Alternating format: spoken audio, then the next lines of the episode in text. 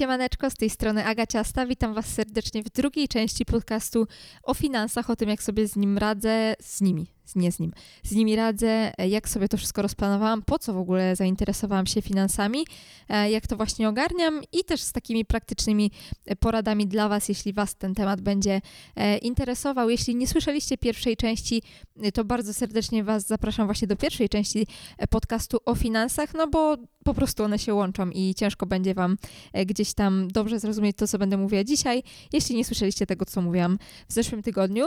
E, jednocześnie serdecznie zapraszam Was na mojego bloga. E, bloga znajdziecie pod adresem agaciasta.pl. Tam jest właśnie zakładka specjalna blog i ten blog zostaje yy, uaktywniony, coś, coś, coś jest późna godzina bardzo, serio, jest pierwsza w nocy, jak to nagrywam, więc e, słowa nie do końca mi się kleją. W każdym razie blog znowu hula. E, on zaczął hulać, potem przestał hulać, ale znowu zaczyna hulać, więc e, troszkę będzie się tam działo i dzisiaj pojawi się też właśnie specjalny wpis dotyczący finansów, a więc jeśli ktoś woli taką formę tekstową, pisaną, to właśnie polecam Wam serdecznie bloga. Tam jest krótkie streszczenie tego, co mówię tutaj, e, ale też dodatkowe informacje, także właśnie zapraszam Was tam, a teraz nie przedłużam. Bierzemy się za drugą część podcastu o finansach. I przejdę sobie do kolejnej e, kwestii. Poczekajcie sekundkę, bo mam to zapisane. Muszę sobie to znaleźć e, wzrokiem. E, dobra. I już do samego, do samej jakby praktyki, jak ja do tego podchodzę. Więc ja zaczęłam sobie po prostu właśnie z uwagi na to, że ja nie miałam pojęcia, ile zarabiam, ile wydaję, to bez dłuższego e, zastanawiania się, analizowania, zaczęłam po prostu zapisywać, ile dostaję i ile wydaję. I w najprostszej możliwej formie otworzyłam Excel. E, każdy, kto z Was, kto ma e, Google, to ma Excela, więc mm, otwieramy sobie Excela i od dzisiaj zapisujecie sobie dzień miesiąca. Ja to mam właśnie w ten sposób rozpisane, że mam e, dzień miesiąca, sumę wydatków, czyli tam, no nie wiem, złoty 70 za bilet na przykład. Dru e, kolejna kolumna to jest właśnie za co, czyli tam sobie daję notatkę, na co konkretnie to wydałam. Kolejna kolumna to są moje dochody, czyli wypłaty, czy tam e, jak dostaję, no nie wiem, nawet w prezencie od babci 50 zł, no to sobie to tam wpisuję. I kolejne, kolejna kolumna to jest za co, czyli za co właśnie dostałam te pieniążki i właśnie bez takiej zbędnej analizy, której na początku nie potrzebujecie, po prostu od dziś otwórzcie sobie tego Excelka i każdy wasz wydatek i każdy wasz zarobek zacznijcie sobie zapisywać, e, bo to pozwoli wam za miesiąc przeanalizować na co ta kasa się rozpływa, ile w ogóle jej jest na moim koncie, ile ja oszczędzam, czy ja w ogóle nie oszczędzam, czy na przykład się zadłużam i wydaję więcej niż zarabiam, co jest przerażające, nie powinniśmy tak robić. E, I to jest super. Właśnie, bo później przejdę do pytanek, które wy mi zadawaliście, to dostawałam często, często generalnie dostaję pytania, na czym oszczędzać? W sensie, jak zrobić tak, żeby nie wydawać tych pieniędzy na pierdoły. I samo zapisywanie tego naprawdę przełoży się na to, że będziecie wydawać mniej. Przysięgam, jak założyłam tego Excela, to trzy razy się zastanowię, czy ja naprawdę coś potrzebuję i często jest tak, że dochodzę do wniosku, że nie potrzebuję tego albo że szukam tańszej alternatywy.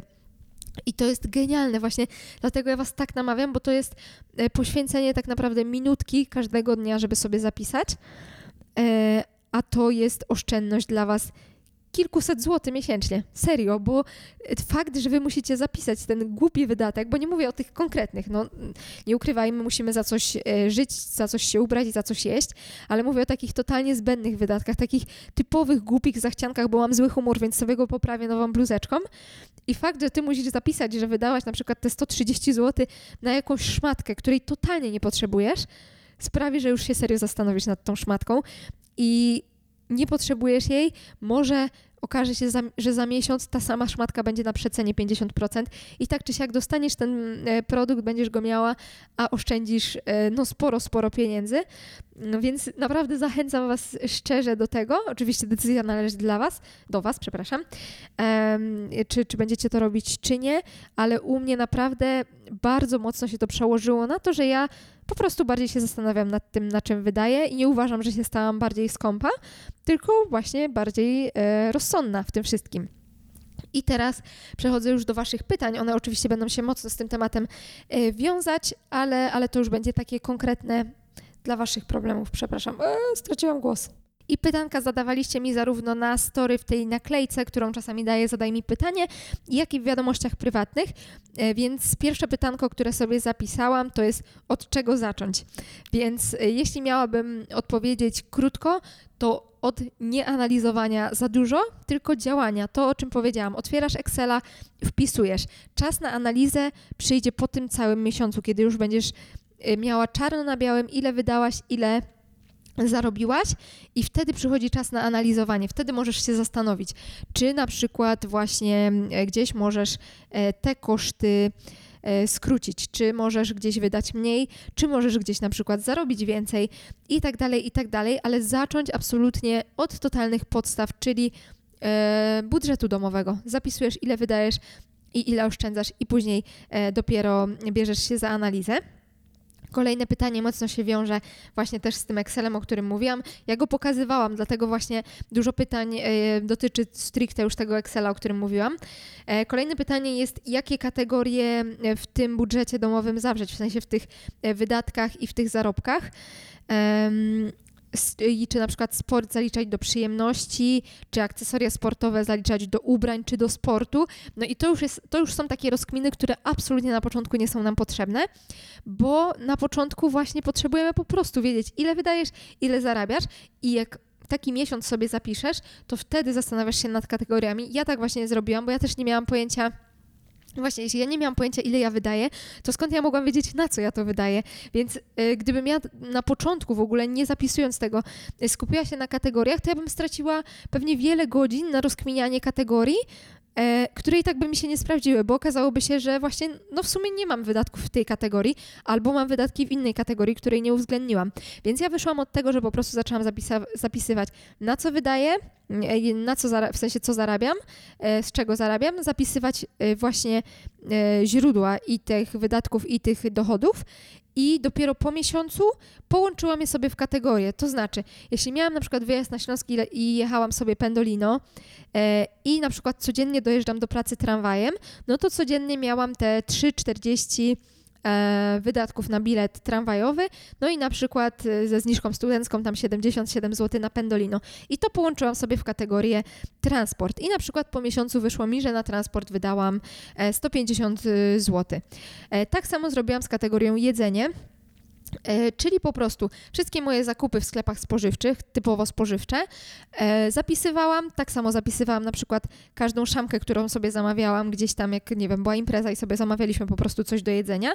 E, to połączyłam sobie w kategorię jedzenie i miałam jasny obraz tego, ile konkretnie wydaję na jedzenie. W ten sam sposób na przykład koszty stałe.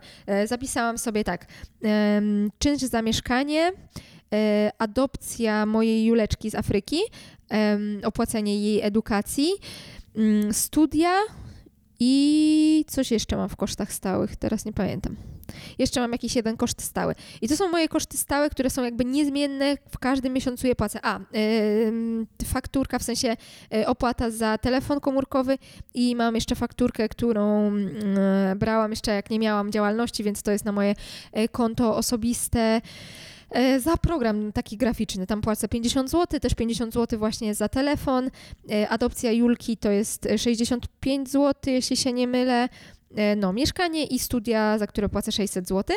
I to są moje koszty stałe i to właśnie połączyłam w koszty stałe. I właśnie pod koniec miesiąca u mnie stworzyło się 8 kategorii. I to było za miesiąc październik. I te kategorie to były koszty stałe, komunikacja, sport. I tutaj w sporcie miałam akurat w tamtym miesiącu tylko y, MMA, bo chodzę na zajęcia MMA, za które y, płacę stówkę za godzinkę zajęć. No i miałam im, ta, im ich tam chyba 8, no więc to wyszło 800 zł e, jakby w kategorii sport. Była kategoria zdrowie. W październiku przebadałam się od stóp do głów i w październiku wydałam chyba 1400 zł na samo zdrowie, czyli e, diagnostykę diagnostykę, badania, wizyty u lekarzy, e, zakup leków. Ja jestem na e, terapii e, zarówno hormonalnej, jeśli chodzi o moją tarczycę, jak i leczę trądzik silnymi mm, lekami, także to wszystko mnie dosyć sporo kosztuje i w październiku zrobiłam sobie taki przegląd od stóp do głów, więc była ta kategoria zdrowie, która pochłonęła ogrom pieniędzy. Była kategoria jedzenie, tutaj właśnie wliczałam zarówno takie jedzenie jak zakupy spożywcze, ale też to jedzenie, które sobie zamawiam z restauracji.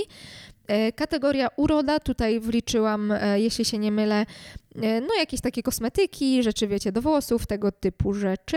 Odzież i obuwie, to wtedy w październiku były akurat trzy pary butów e, na zimę, które sobie zamówiłam i była kategoria prezenty, czyli wszystko to, co rozdaję swoim bliskim. No i w ten sposób właśnie stworzyły mi się te, te kategorie i ja z tych kategorii jakby wyszłam w, weszłam w kolejny miesiąc, ale na przykład w listopadzie okazało się, że nic nie wydałam na swoje zdrowie, bo właśnie byłam już przebadana i miałam wszystkie leki kupione na następne trzy miesiące, ale na przykład doszła mi kategoria Milka, czyli mój piesek, e, bo w listopadzie listopadzie zamówiłam zapasy i karmy, żwaczy, e, tam właśnie zabawek, tego typu e, rzeczy dla Milki. Na przykład e, wydatki na Milkę wyniosły tam prawie 500 zł w tym miesiącu. No i jakby właśnie wychodźmy od tego, żeby zapisywać te rzeczy i dopiero później zastanawiać się nad tymi kategoriami. I ja jestem zwolennikiem tego, żeby na początku te kategorie były jak najprostsze a dopiero później, kiedy ty już będziesz e, no, takim troszkę finansowym ninją, czyli będzie ci to przychodziło z łatwością, dopiero wtedy je rozdzielaj na, na mniejsze. To znaczy, Czyli na przykład możesz już kategorię jedzenie rozbić na jedzenie jako zakupy spożywcze, z których ty gotujesz sobie jedzenie w domu oraz jedzenie na mieście albo nie jedzenie zamawiane. Wtedy widzisz, że na przykład wydajesz na jedzenie 800 zł, z czego 500 stanowi jedzenie na mieście. No i wtedy odpala ci się lampka, że chyba coś jest nie tak, że przecież możesz dużo mniej. E, tak samo jeśli chodzi o sport na przykład. Możesz e, ogólnie na to patrzeć. Ja na przykład w kategorię sport też zapisałam sobie e, zakup rękawic do MMA, no bo to też służy mi jakby, służy w tej kategorii sportu, tak? To, że to jest e, element odzieży, można powiedzieć, no to jest inna kwestia, ale mi to służy w kategorii sportu, więc ja to wpisałam w kategorię sport.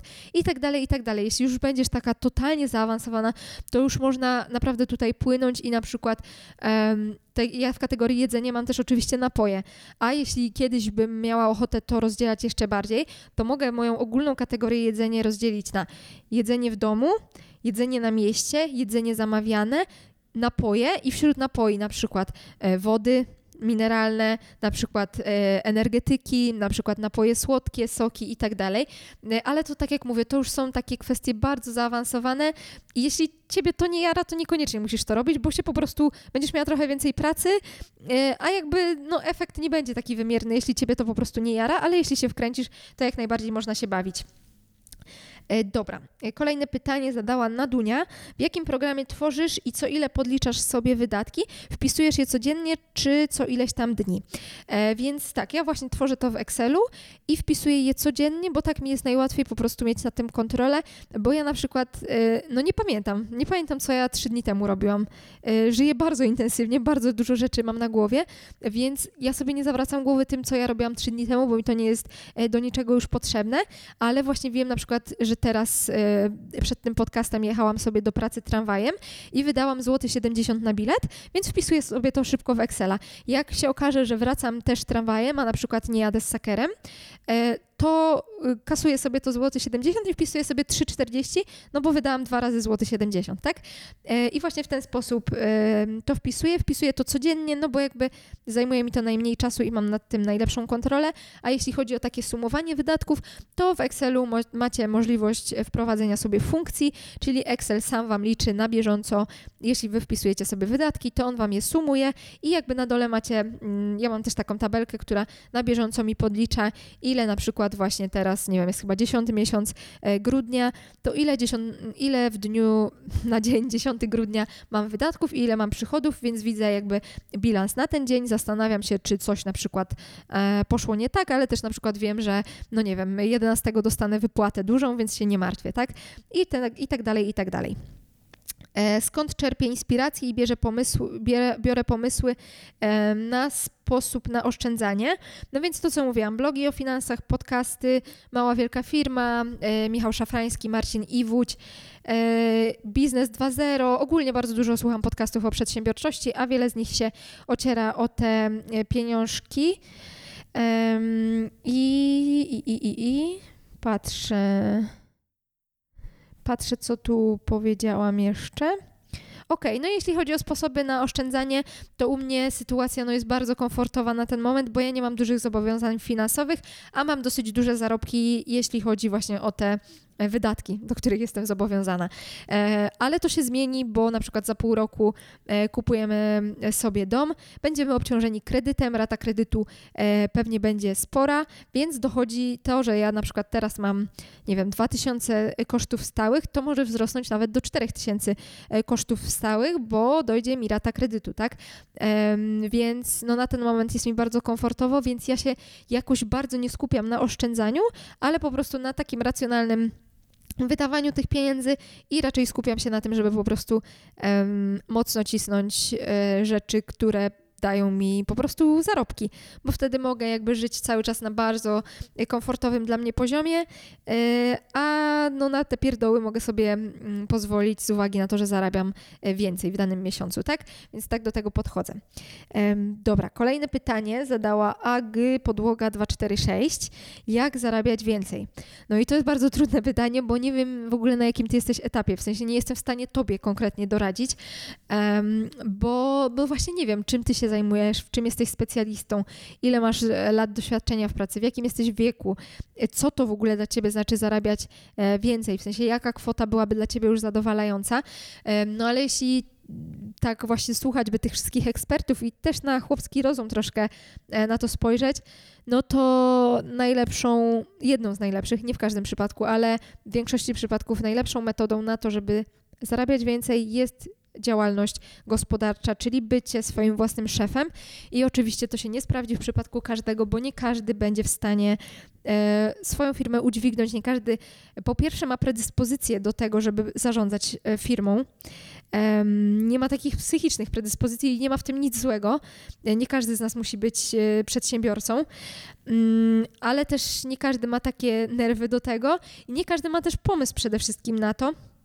Więc e, trudno jest wskazać, że to zawsze będzie dla każdego najlepsze, bo dla niektórych totalnie to nie będzie dobre, e, ale właśnie e, no tak na chłopski rozum. Sama jesteś sobie szefem, sama możesz decydować, w którym kierunku idzie ten twój biznes, możesz go eskalować w różne strony, mm, no i jakby masz dużą kontrolę, bo jeśli ty pracujesz na etat u kogoś, to owszem, możesz co dwa lata iść prosić o podwyżkę, e, ale to nigdy nie będą takie kwoty, jakie mogłabyś w dwa lata osiągnąć w swojej działalności gospodarczej. Ale no, temat o działalności gospodarczej jest bardzo, bardzo szeroki, więc nie chcę się tutaj e, tak rozwodzić, bo oczywiście e, ryzyko też jest bardzo duże i czasami inwestycja, jaką musimy włożyć w tą działalność, też jest bardzo duża, więc to nie jest takie zero-jedynkowe.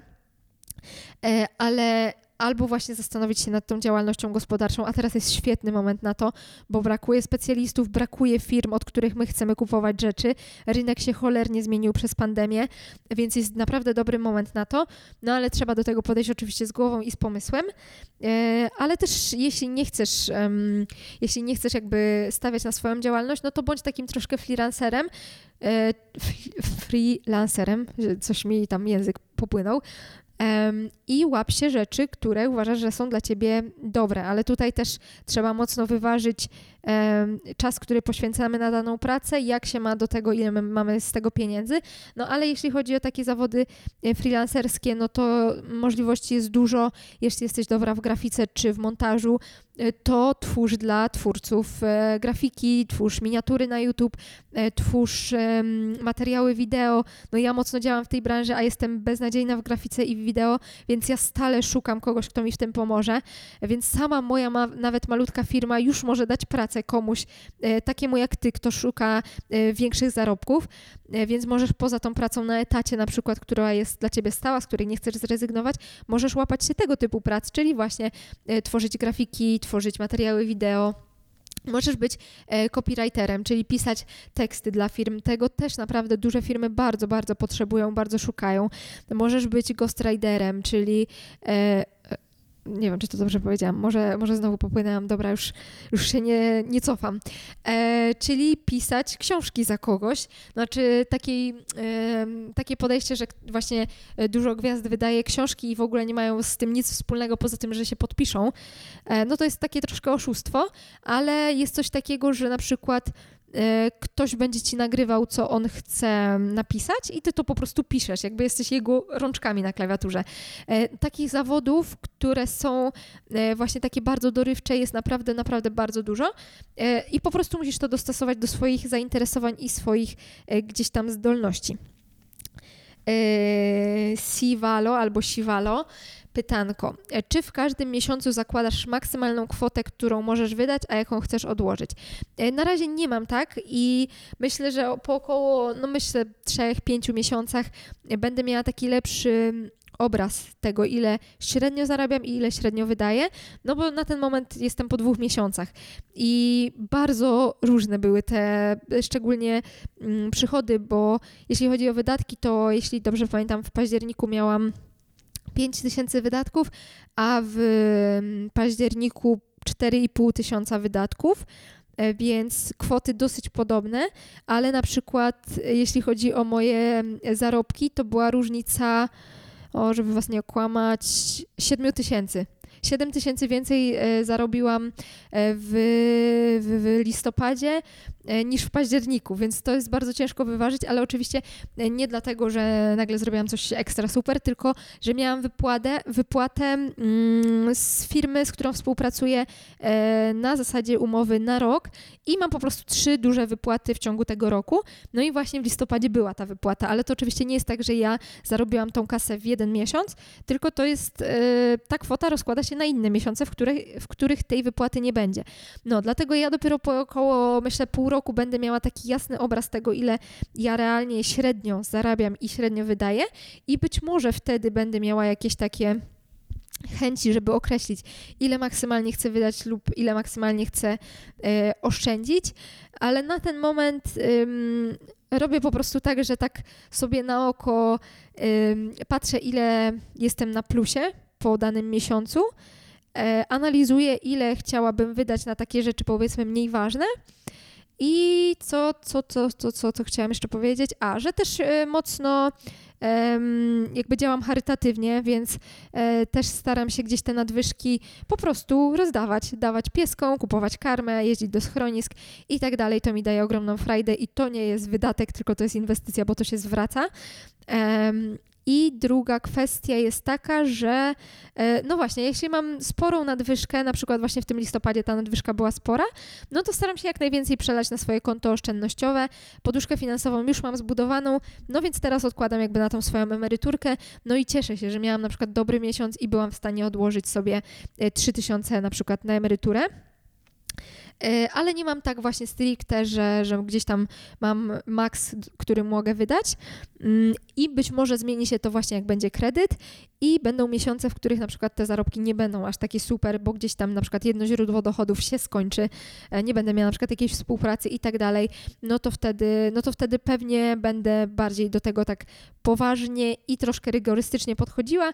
E, na ten moment, tak jak mówię, właśnie nie, nie mam potrzeby się zniewalać znowu tym, z tą e, kontrolą. E, jak oszczędzać i nie dać się zwariować, żeby nie być sknerą, pyta, pyta Angelika Krawczyk. E, no więc właśnie to, co mówiła Angelika, czyli na początku nie oszczędzamy po to, żeby być sknerą i żeby sobie wszystkiego żałować, tylko oszczędzamy po to, żeby było nas stać na zajebiste rzeczy, nawet na nasze zachcianki, na zajebiste wakacje, na wymarzoną torebkę, na bezpieczną przyszłość na dobrą emeryturę. Więc tak patrzymy na oszczędzanie, a nie jak na to, że właśnie jesteśmy sknerą i wszystkiego sobie żałujemy. jeśli ty zaczniesz mm, zapisywać i sobie przeanalizujesz te swoje wydatki, to zobaczysz, w którym, w którym miejscu wydajesz za dużo niepotrzebnie. I jeśli obecniesz w, wydatki w tej kategorii, to wcale nie stajesz się sknerą, tylko po prostu ograniczasz bezsens.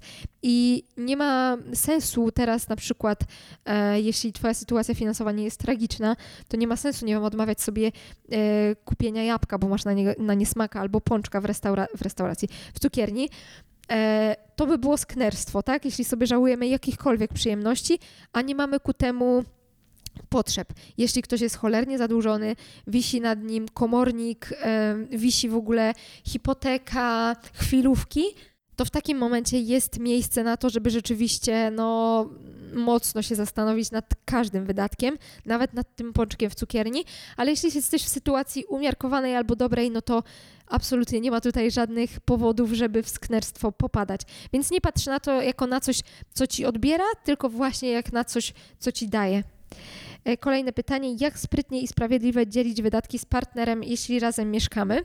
E, no to powiem na moim przykładzie, bo nie jestem specjalistą od związków i finansów w związku, więc mogę tylko na swoim przykładzie to podać. My na ten moment z Sakerem e, mamy totalnie rozdzielne finanse, totalnie nic sobie nie przelewamy, nie mamy wspólnego konta i wszystko, wszystko, co chcemy, płacimy sobie osobno. Z tego względu, że mieszkamy e, w mieszkaniu z jego mamą, więc jakby koszty mieszkania rozdzielają nam się na trzy osoby i jakby te koszty, które każdy z nas płaci za to mieszkanie, czyli trzy razy jakaś tam kwota, e, dają sumę, która wystarcza i na pokrycie e, prądu, internetu i tak dalej, ale też na na przykład środki czystości, na takie produkty podstawowe, jak, no nie wiem, mleko, powiedzmy, jajka i tak dalej, i tak dalej. E, więc jakby te rzeczy, takie basiki totalne, podstawowe, potrzebne do życia, proszek do e, prania, wiecie, nie wiem, e, kapsułki do zmywarki, płyn, dobra, nieważne. To wszystko jakby mamy w tych kosztach, które każdy z nas płaci na to mieszkanie, a cała reszta, co my z sakerem sobie robimy z naszą kasą, to jest nasza indywidualna sprawa. Nie czujemy żadnej potrzeby, żeby tą kasę łączyć ponownie, ja nie oceniam par, które idą, y, podchodzą do tego inaczej. Wiem, że jest dużo e, par, które już nawet przed małżeństwem, czy bardzo krótko po byciu razem, mają wspólne konto, przelewają oboje e, swoje wypłaty na to wspólne konto, ale dla mnie i dla Sakera byłoby to e, pole, na którym my byśmy się po prostu kłócili, bo każdy z nas ma zupełnie inne wydatki, każdy z nas ma zupełnie, zupełnie inne podejście do pieniądza i każdy z nas zupełnie inaczej zarabia w danym miesiącu i ja nie widzę podstaw do tego, żebym ja miała cokolwiek czerpać z pieniędzy Sakera, na które on zarabia, a on z moich pieniędzy, które ja zarabiam. No bo czemu? No każdy z nas jest zdrowy, e, pełnosprawny, każdy z nas może tak eskalować swoje zarobki, żeby starczało mu na wszystkie swoje zachcianki. E, absolutnie dla mnie nie sprawdziłaby się mm, sytuacja, w której facet mnie utrzymuje. Dla mnie byłoby to niekomfortowe, ja nie chcę być na niczyim utrzymaniu. I tak jak mówię, dopóki ja jestem zdrowa, to chcę pracować i zapracować na wszystkie swoje zachcianki i niezachcianki, e, ale za pół roku, mam nadzieję, w ogóle tak będę to podkreślać, bo wierzę, że to mi przyniesie szczęście. E, za pół roku kupujemy dom. E, wtedy będziemy już jakby sami tworzyć to gospodarstwo domowe i też koszty będą na pewno dużo większe, bo ten dom będzie duży, na ten dom będzie kredyt i te wszystkie podstawowe rzeczy, jak środki higieny i tak dalej, e, będą już jakby na mojej głowie, bo teraz robi to teściowa i tak przyjęliśmy, ona jest jakby panią tego domu, więc ja też jej się nie wtrącam w tego typu rzeczy, tylko po prostu na to płacę. Ale właśnie, będziemy mieli wspólny dom, wspólny kredyt, e, wspólne mm, wydatki na takie środki podstawowe i wtedy już tak sobie wstępnie ustaliliśmy, że podliczam, ile wydaje na nasze koszty wspólne, czyli ile płacimy, e, ile wynosi nas rata kredytu, e, ile płacimy za no, tam prąd, e, internet, wodę i tak dalej i ile płacimy na rzeczy, z których razem korzystamy, czyli właśnie no, na przykład środki czystości, środki higieny, mm, takie podstawowe rzeczy spożywcze jak mąka, wiecie, tego typu rzeczy. I to tworzy sumę. Załóżmy sumę 5 tysięcy, no jeśli wliczam w to ten kredyt nieszczęsny. E, I wtedy, jeśli jest to 5 tysięcy, które tworzy nasze koszty stałe i moje i Sakera, to każdy z nas daje po prostu 2,5 tysiąca e, złotych i składamy się na to 5 tysięcy, a cała reszta naszych wydatków, czyli e, moje nowe buty, sakera energetyki, czy sakera laleczki Funko Pop, albo nie wiem, mój wyjazd na wakacje z koleżanką, to jest absolutnie już nasze indywidualne. Nie chcemy łączyć takich finansów, nie chcemy się sobie w ogóle wzajemnie tłumaczyć. Ja właśnie nie chciałabym takiego e, wspólnego budżetu, ponieważ ja nie chcę się tłumaczyć komukolwiek z tego, że ja coś wydaję, a to są, e, jeśli właśnie nie mamy tego, tej wspólnej kasy na jednym koncie, to Saker w żaden sposób nie ma w ogóle prawa, wiecie, mi robić wyrzutów, a tak samo ja jemu. I mimo, że wiadomo, ja czasami mam jakiś głupi wydatek, z którego on się śmieje i on tak samo, no jak on sobie kupuje e, jakieś śmieszne laleczki za 120 zł, które stoją potem na półce i jakby nie ma z nich żadnego e, pożytku, no to gdybyśmy mieli wspólne konto, no to moglibyśmy, ej, czemu wydajesz z moich pieniędzy, nie wiem, 800 zł na swoje buty, albo ja do niego, czemu wydajesz e, 300 zł na jakieś śmieszne laleczki, no nie? A w momencie, kiedy każdy z nas ma swoją kasę, no to wyjebane, no każdy niech sobie robi e, co chce. Dlatego ja tak do tego podchodzę, ale tak jak mówię, najlepiej po prostu z partnerem usiąść i przegadać, jak wy byście to widzieli. Pewnie zupełnie inaczej sytuacja wygląda też, jak są dzieci, ale w ten sposób, w sensie wydaje mi się, my nie planujemy dzieci, nie będziemy, no, jeśli się zdarzy, no to, no to się zdarzy.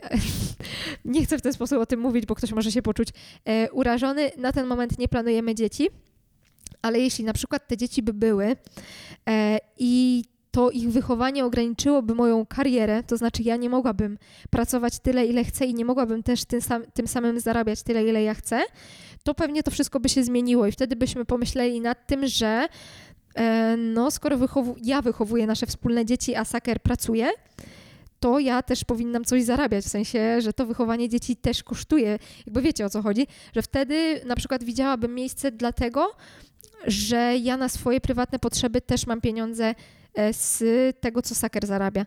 No bo jakby robię coś dla naszej dwójki, czego on nie robi. E, ale to, tak jak mówię, każdy z Was musi sobie troszkę indywidualnie e, przeanalizować. No i tak jak mówię, każdy z nas jest zupełnie inny i inna jest ta sytuacja finansowa. No więc jeśli macie dzieci i inne rzeczy, które Was łączą, no to no to, to będzie wyglądało zupełnie inaczej. I ostatnie już pytanie i zaraz będę kończyć, to są sposoby na racjonalne wydatki i planowanie zakupów na przykład na jedzenie. E, czyli tak, właśnie, jakie są sposoby na racjonalne wydatki? Przede wszystkim zapisywanie ich, naprawdę to działa cuda. Jeśli ty już będziesz to zapisywać, to już jesteś e, no, 30% sukcesu za tobą. I właśnie tak, planowanie zakupów na przykład na jedzenie to jest kluczowe. Serio. E, ja teraz, też pandemia to troszkę spowodowała, że jednak staram się, mm, no, czy ktoś wierzy w pandemię, czy nie, ludzie się boją, e, jest nieprzyjemnie w tych sklepach. Sama nie lubię być, bo jest dziwnie, po prostu wszyscy są zamaskowani, e, wszyscy na siebie dziwnie patrzą, nie można kaszlnąć i tak dalej, więc e, samo to ograniczenie mm, kontaktów społecznych sprawiło, że ja przestałam tak codziennie chodzić sobie do sklepu, bo wcześniej wyglądało to tak, że ja praktycznie codziennie byłam w Biedronce i kupowałam sobie na przykład rzeczy na śniadanko i obiad. E, I wtedy na przykład codziennie wydawałam tam 30 zł. E, no bo właśnie, tu kupiłam sobie bułki, tu kupiłam sobie jakiś serek, tu jakiś twarożek, e, tu tam energetyka i coś tam, coś tam i się tak zbierało. A pandemia spowodowała to, że ja staram się dużo rzadziej być w sklepie i zazwyczaj to jest raz albo dwa razy w tygodniu na takie większe zakupy. ja robię sobie listę zakupów i kupuję dokładnie to z tej listy i nie zapisuję rzeczy takich randomowych, tylko dla każdej rzeczy, którą sobie zapiszę na tą listę, już tworzę sobie w głowie pomysł, jak ja ją wykorzystam. Bo najgorsze, co możemy zrobić, to iść do sklepu bez pomysłu, co ty chcesz kupić, ale wiesz, że musisz coś kupić, bo coś musisz jeść idziesz do tego sklepu i bierzesz do tego koszyka, a tu makaron ryżowy, bo może będzie mi się chciało zrobić pattaja, a tu sobie weźmiesz bakłażana, bo sobie zrobisz faszerowane bakłażany. E, tutaj ci się przydają trzy kulki mozzarelli, bo może będziesz e, zapraszał znajomych i robił pizzę. I to jest takie gdybanie, gdybanie. Tu sobie weźmiesz e, sosik sojowy, tu sosik rybny, bo właśnie ten pad tutaj może się uda. A jeśli nie masz do tego konkretnego zastosowania i okaże się, że w tym tygodniu cholernie nie masz w ogóle czasu na to, żeby siedzieć w kuchni i tego pattaja sobie ogarniać, to te rzeczy ci się po prostu zmarnują. I to jest najgorsze, co możemy zrobić, czyli iść do sklepu, wydać bardzo dużo pieniędzy na rzeczy, których nie zużyjemy i po prostu je wyrzucać, bo marnujemy i swoje pieniądze, i marnujemy jedzenie, czyli najgorsze rzeczy, które można e, w ogóle robić. Także to, co też u mnie się super sprawdza i to, co bardzo Wam polecam, czyli robisz listę zakupów i jeśli zapisujesz na przykład cebulę czerwoną rzucam, to od razu w głowie masz, co z niej zrobisz. Ok, dzisiaj sobie e, zrobię omleta z cukinią i e, cebulą czerwoną, więc zapisujesz sobie, że potrzebujesz trzy jajka, e, cukinię i cebulę. No i już wiesz, że, że jakby to wykorzystasz, wracasz i robisz sobie tego omleta. No i tak z wszystkim. I I, i, I jeszcze takie sposoby na oszczędzanie, jeśli chodzi o tą kwestię spożywczą, no to mocno analizować troszkę rynek, e, gdzie jest taniej, gdzie jest drożej. Oczywiście, jeśli Wam się chce. I jeśli macie możliwość, to kupować większe opakowania, bo one zazwyczaj są tańsze i to są oszczędności, które na pierwszy rzut oka wydają się być e, znikome, no bo co mi zrobi różnica jakieś tam 2 zł na makaronie, czy kupię, e, wiecie, kilogram makaronu, czy 200 gramów, no ale jak sobie to pomnożysz przez skalę, e, nie wiem, 40 paczek makaronu, które kupujesz, który kupujesz w ciągu roku, no to ta kwota już się robi fajna i chociażby będziecie już stać na tą, nie wiem, na tą nową bluzkę, tak, za to, że kupiłaś większe opakowanie makaronu i zaoszczędziłaś sobie. I tak samo na przykład zamawianie przez internet, często w internecie możemy dostać e, bardzo podobne albo te same produkty w o wiele niższych cenach. I ja tak na przykład, jak jeszcze mieszkałam na Śląsku, ja wtedy tak bardzo intensywnie e, piekłam, gotowałam i tworzyłam. E, I na przykład bardzo dużo zużywałam orzechów i erytrytolu, ksylitolu, na przykład mąki orkiszowej, takie rzeczy u mnie szły po prostu no, tonami, więc zamiast po prostu iść do sklepu i kupić sobie 200 gramów orzechów włoskich, które kosztują no, w cholerę pieniędzy, to jest w Biedronce chyba są one za 13 zł, e, to ja sobie zamawiałam po prostu z neta na przykład 3 kg takich orzechów, które i tak wiedziałam, że zużyję i na przykład płaciłam no nie wiem, 70 zł mniej, gdybym to e, porównała, więc to jest ogromna oszczędność. Także to z kwestii finansowych. E, no i cóż, no i myślę, że będę kończyć. E, cały już ten wywód o finansach. Bardzo, bardzo Wam dziękuję za uwagę. Mam nadzieję, że ten podcast będzie dla Was e, przydatny, bo tak jak mówię, finanse dotyczą każdego z nas i w jakiej sytuacji byśmy nie byli, warto się po prostu troszkę nad nimi zastanowić. E, oczywiście niczego nie narzucam, żadnych swoich racji nie na, Wam nie narzucam.